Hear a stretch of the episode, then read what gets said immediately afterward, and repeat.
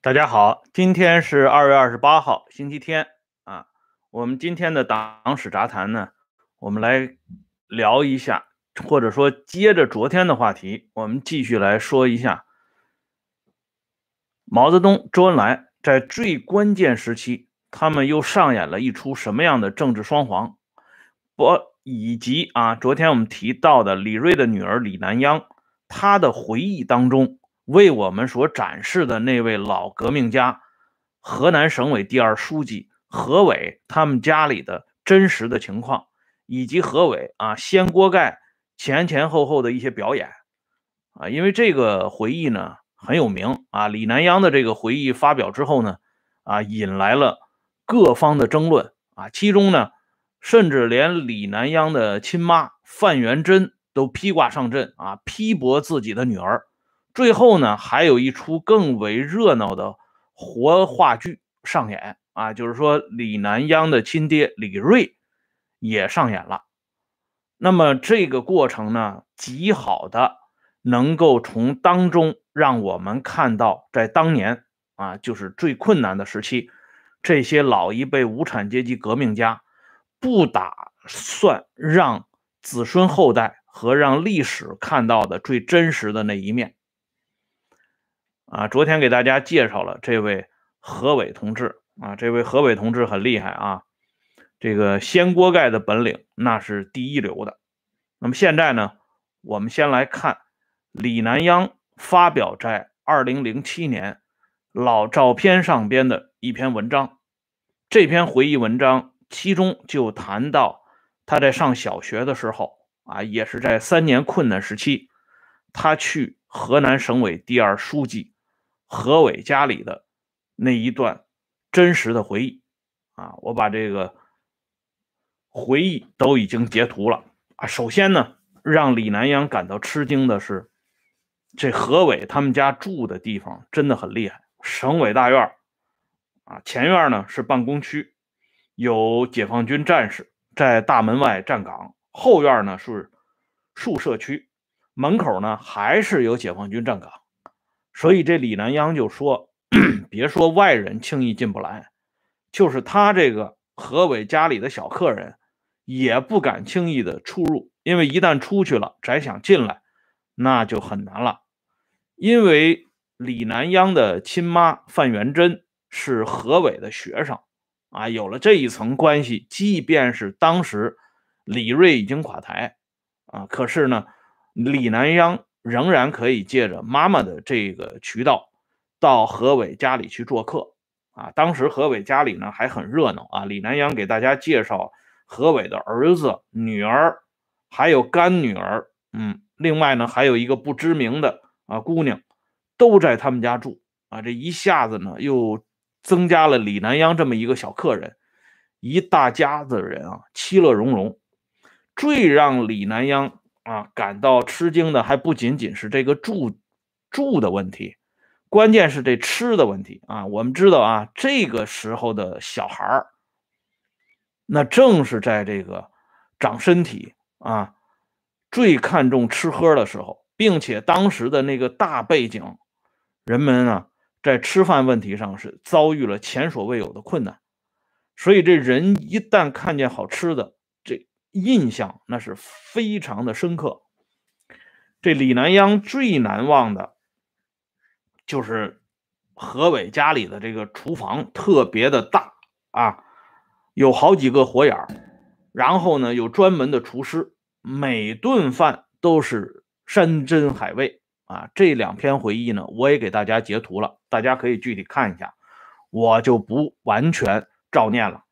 其中呢，有一道菜让李南阳最为难忘啊，就是一种煎的鱼啊，因为煎的鱼呢下边是铺了一层脆脆的干粉丝，上边的鱼呢煎的是焦黄焦黄，然后呢用一种味道极为鲜美的这种汁儿呢给覆盖啊。这李南阳说他后来也没有吃过这种做法的鱼。早晨呢就不用说，每人一杯牛奶，配上一个煎鸡蛋。这种情况对于在学校整整啊已经饿了一个学期的李南阳来讲，那这简直就是天堂。事实上呢，即便是李瑞当时还在台上啊，以他的副部长兼毛泽东秘书的身份，他在北京也住不上何伟这种非常气派的省委大院的住宅，这是个常识啊。别说在那个啊等级非常森严的时代，即便是后来有所放松的所谓的改革开放时代。中央部委机关的厅局级干部啊，司局级干部是没有专车的。可是你到省里去看一看，省里的厅局长们都有自己的专车，这就是地方和中央的区别啊。至于其他的那方面的待遇，那就是各种各样。所以这何伟在河南省委大院里的住住的地方，包括他吃的这些东西，能够让小小的李南央有这样的记忆。啊，有这样的惊讶，以至于发出种种慨叹，一点都不奇怪。那接下来呢，就是何伟他们家除了吃饭以外，还有业余生活，那就是看戏。啊，这李南阳说，当时啊，他跟这个何伟家里的人一起去看戏，看的呢不是京剧，就是豫剧，豫剧就是河南的地方戏。呃，剧院里边呢冷冷清清，没有几个观众。啊，李南央的解释呢是。当时啊，大家肚子都填不饱，所以也没心情去看戏。但实际情况，我们也可以想象一下，省委实际主持工作的第二书记去看戏，能混同于一般观众、一般老百姓吗？这也是一个常识啊。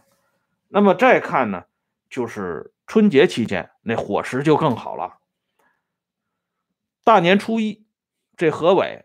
啊，戎装就到，为什么呢？他要去看望普通老百姓，给老百姓拜个年，这样呢，前呼后拥的到了一个地方。到了这个地方之后，啊，李南央又有回忆了。他说，当时的情况是什么状态呢？到一家农民的房子里边之后呢，他觉得自己是在看电影，啊，因为随行的工作人员已经把一切都安排好了。告诉这些老农民，这是省委的何书记，专门来看望你们，给你们拜个年啊！那些农民呢，诚惶诚恐的伸出手来。何伟啊，轻轻的握了握，在炕沿边上啊坐下来，跟这些老农民呢在一起拉家常。何伟只坐了几分钟，然后就带着大家呢离开了。离开之后，坐在车里。这位老革命何伟就开始教育上了啊，教育革命的后代，说你们看看啊，看看农民的艰苦生活，看看你们一天到晚吃的什么，喝的什么，你们应该感到惭愧啊。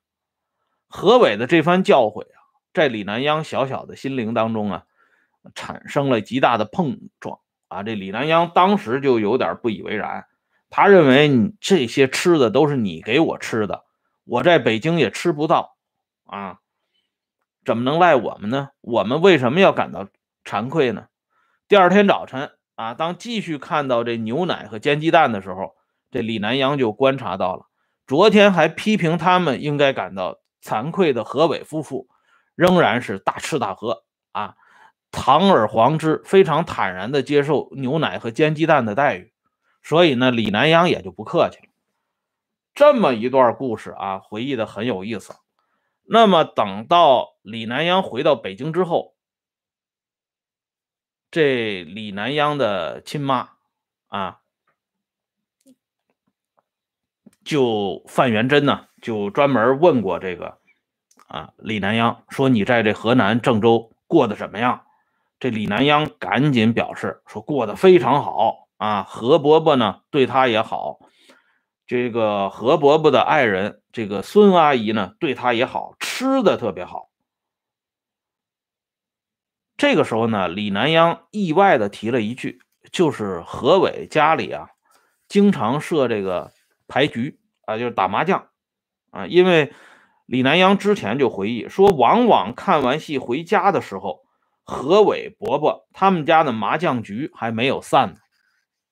啊，因为这打麻将的这件事情啊，引起了范元贞的感慨啊。范元贞当时就自言自语啊，说了这么一句话：这革命老太太说的是，没想到何伟的革命意志会这样消沉。啊，这段话呢，我也给大家截录了。以上呢是李南央对当时他住在何伟啊何伟他们家里省委大院的一番回忆。可是这番回忆发表之后，引来了满满的争议。这个争议呢，首先来自于何伟的家属。昨天我们展示了刘顺元老先生的这番回忆，啊，刘顺元的这个回忆讲的就是特权观念、特权思想，而这种特权观念和特权思想，首先表现在这些做大官的身上。当然，老百姓呢，头脑当中也有这东西，嗯，只不过呢，这些官员身上表现的更为强烈一些。李南央的。这篇回忆与他们一直宣扬的为人民服务的这个宗旨呢，明显看起来有点别扭。于是呢，就有人挺身而出，啊，为党和人民大声疾呼，说李南央的回忆是错误的。这大声疾呼的人是谁呢？就是何伟的亲女儿何生。何生随即在李南央发表的老照片的接下来的这一期。发表了一篇文章，就是何伟同志在河南。对于这篇啊李南央的回忆的文章进行了全方位的批驳。他写的这个何伟呢，简直就是啊风尘仆仆啊，那就不用说了。啊，这里呢给大家展示一下当时在何生笔下的何伟。那何伟同志一到河南，啊，顾不上旅途劳顿和休息，啊，在招待所里边设了一个临时住处兼办公室，啊，开始了他在河南的艰苦历程，啊，而且呢还提到啊，这何伟呢是如何亲赴第一线视察灾区，啊，跟老百姓之间呢怎么样怎么样。这里边着重提到的是什么呢？就是说。和生解释了一点，就是李南央的回忆有不准确的地方。就是首先呢，这李南央回忆的时间不准确啊。李南央回忆说他是小学三年级啊去何伟家里，这个时间在和生看来是不对的。再一个呢，就是何伟他们家住的地方不像李南阳说的那么气派，那么宏伟，人家当时。啊，何伟是住在省委招待所啊，不是自己家有这前后院这两点啊是一条。同时呢，啊还澄清一点，何伟的女儿说呢，这何伟呢，人家去看戏是不假，那是审查地方戏啊，不是这茶余饭后到那儿消遣去了。所以这几条回忆都是针对李南央。的那个不俗的回忆而引发的，那么通过何伟的女儿的回忆呢，我们又可以看到不为人知的另一面。哎，这就是啊，他们这个红二代在捍卫自己这个亲爹亲妈的时候，经常出现的一种非常怪异的现象。而正是这种怪异的现象，给我们老百姓提供了一个极好的视角。因为何生的这篇反驳的文章，意外的让我们看到了周恩来当时的一个重要的情况啊。刚才我给大家展示的何生的这么一个回忆，就是在一九六三年九月份的时候，当时北京召开一个生产啊生产救灾会议，在这一次会议当中，周恩来对何伟说过这样的话。说中央派你去河南，不是让你回来向中央要粮食的，你要自己尽力解决。而何生的回忆里边已经提到一点，就是何伟啊，看到河南当时是两千八百万人口要靠统销粮维持生活，啊，全省农村人口四千六百。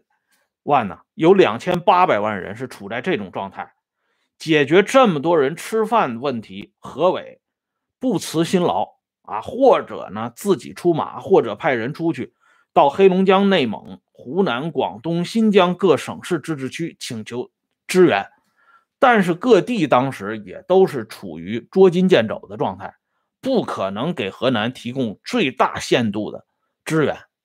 那么怎么办呢？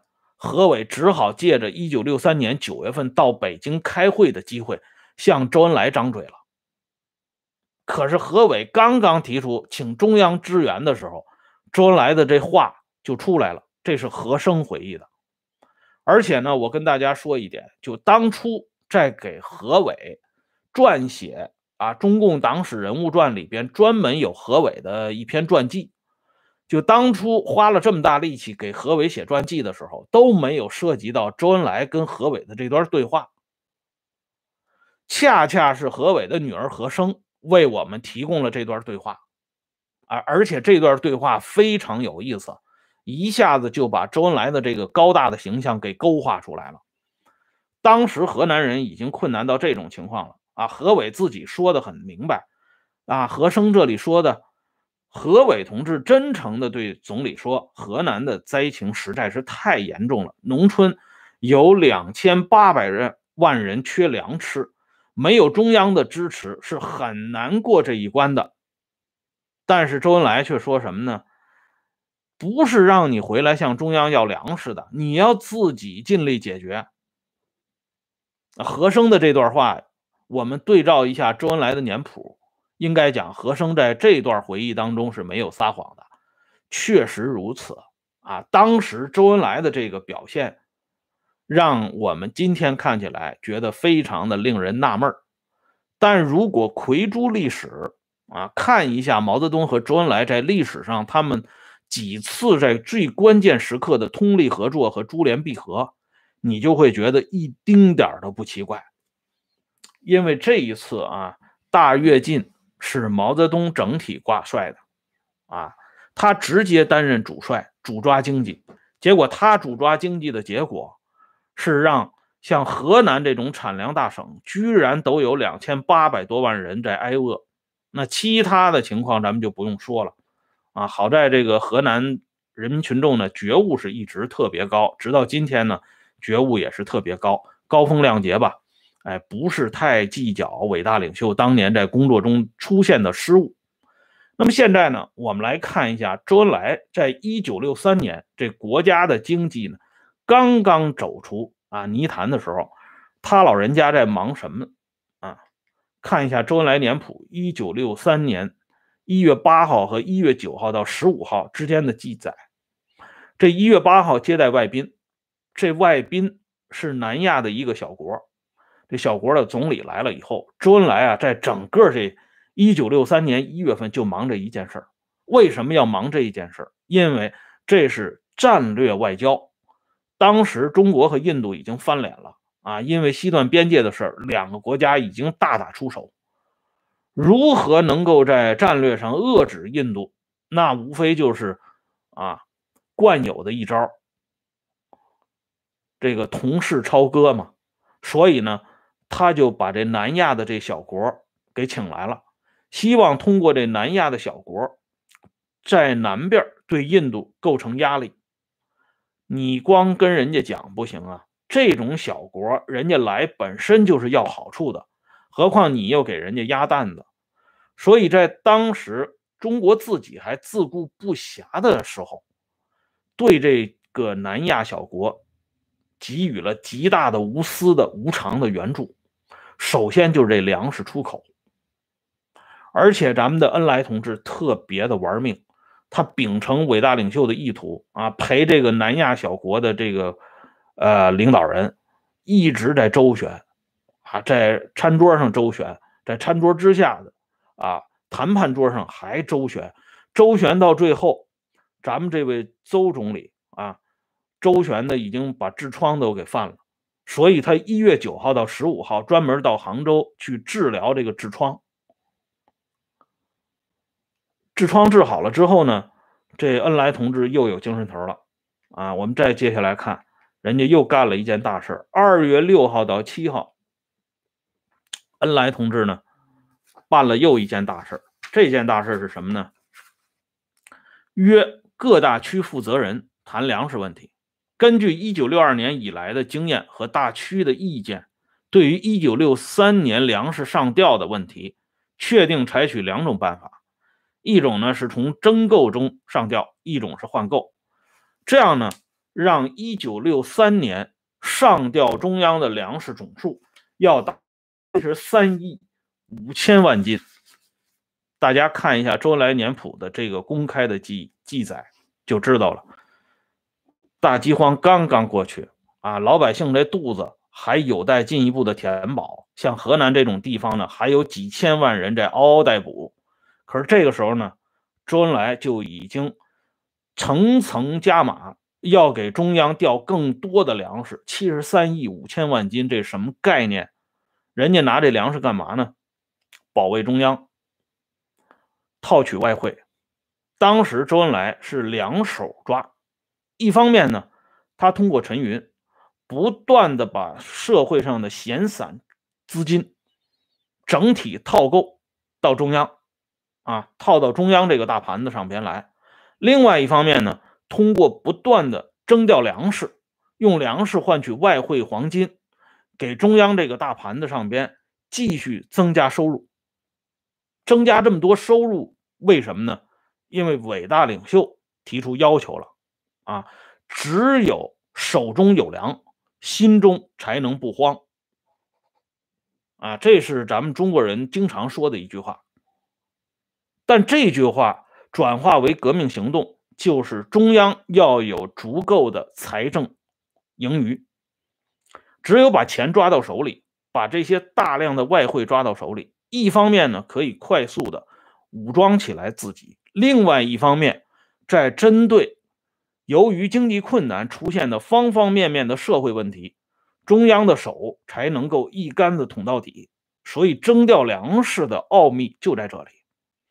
而在同一时期啊，一九六三年前后，周恩来给各地的公安机关下了一个硬指标，就是凡是关于谈到各地这人口的非正常去世这个问题的有关记录和档案。都要积极的予以销毁，哎，所以当时咱们的恩来同志在配合伟大领袖的伟大部署方面，那是殚精竭虑。当然，你光配合伟大领袖还不行，还要配合一个伟大旗手。这个伟大旗手，在一九六三年的时候，正是呼之欲出的时候。那个时候呢，大家没有注意到这个旗手，可是周恩来注意到啊。当年棋手有一首诗写的很好。寻常看不见，偶尔露峥嵘。这一九六三年，这偶尔露峥嵘就已经露出来了。这情况之一就是一部著名的话剧《杜鹃山》。大家都知道啊，这杜鹃山是什么概念啊？杜鹃山是后来著名的样板戏之一啊，那个一直呢。啊，传闻跟咱们这个王洪文同志有一点横的关系的那个女演员呢，也是因为这部戏啊走红天下的。这个杜鹃山最早审看就是周恩来，周恩来在百忙之中观看了中国青年艺术剧院演出的话剧《杜鹃山》，然后呢做了一个充分的肯定，啊，对这部戏呢。做了一个重要的表态，就是说，在这个时候，几千万人甚至上亿人的生生死死，他们能不能吃饱饭，在咱们的恩来同志的整体大布局里边所占分量是非常有限的。相反，伟大领袖的战略部署，伟大旗手的登台亮相，在恩来同志心目当中，那才是真正的分量。哎，而这一切呢，都要拜托。咱们河南省委第二书记何伟的好女儿何生，何生的反驳李南央的这个回忆，才引发了我们对这一段史料的爬坡。